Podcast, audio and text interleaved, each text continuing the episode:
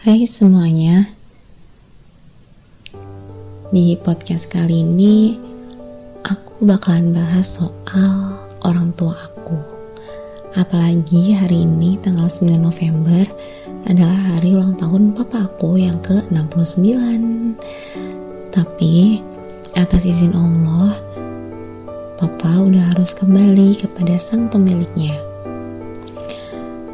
Hmm, Gak kerasa udah mau 2 tahun hidup tanpa papa dan gak kerasa juga udah mau 12 tahun hidup tanpa mama. Gak pernah keduga sih.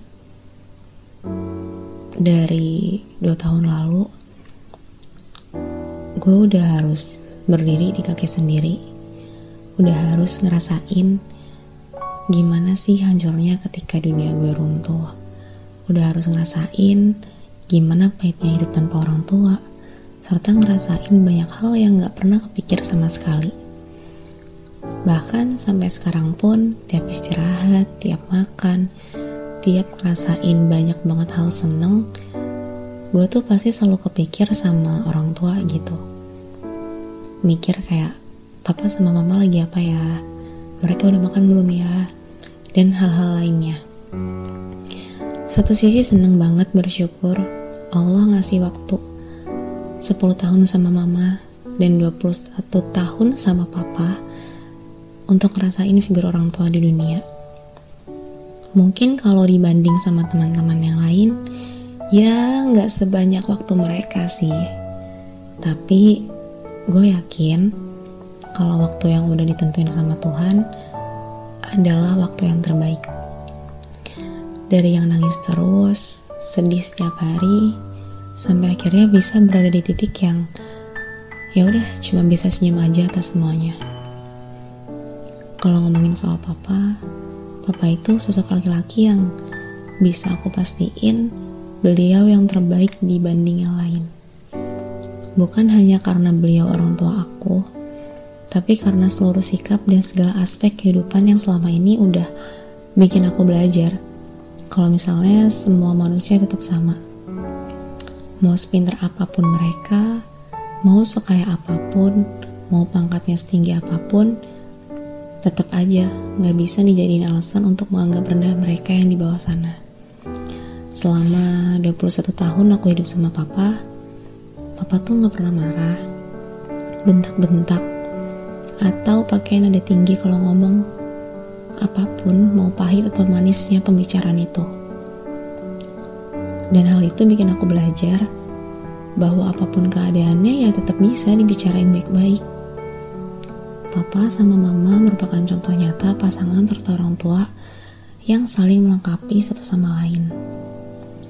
Di saat papa harus berlayar berbulan-bulan, bahkan kadang enam bulan sekali baru pulang ke rumah, mama tuh selalu jadi ibu yang melengkapi semuanya Mama berhasil bikin aku dan kakak-kakakku ngerasa nyaman dan aman walau tanpa adanya papa di rumah.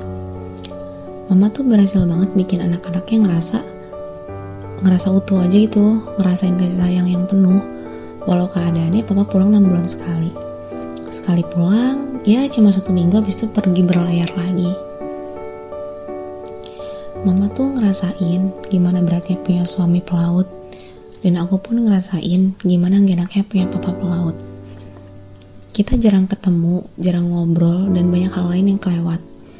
Tapi hebatnya orang tua aku, mereka tetap bisa bikin anak-anaknya merasakan kasih sayang dan kebahagiaan yang penuh di atas segala kesibukan mereka. Papa tuh sosok ayah yang gak kalah sigap gitu dibanding mama. Pas mama meninggal, papa langsung ambil alih ngurusin semua hal rumah bareng kakak dan saudara-saudaraku. Papa juga memilih untuk di rumah aja selama beberapa bulan sampai keadaannya kondusif. Papa adalah orang pertama yang peluk aku pas mama gak ada.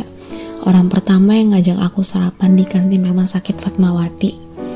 Orang pertama yang tetap stay cool dan senyum di depan seluruh keluarga. Walaupun aku tahu, pasti papa juga hancur ditinggal istrinya. Ditinggal wanita kesayangannya serta ditinggal wanita yang papa kejar dari zaman papa baru lulus SMA. Sekarang papa sama mama udah ketemu dan kembali bersama-sama lagi di surga.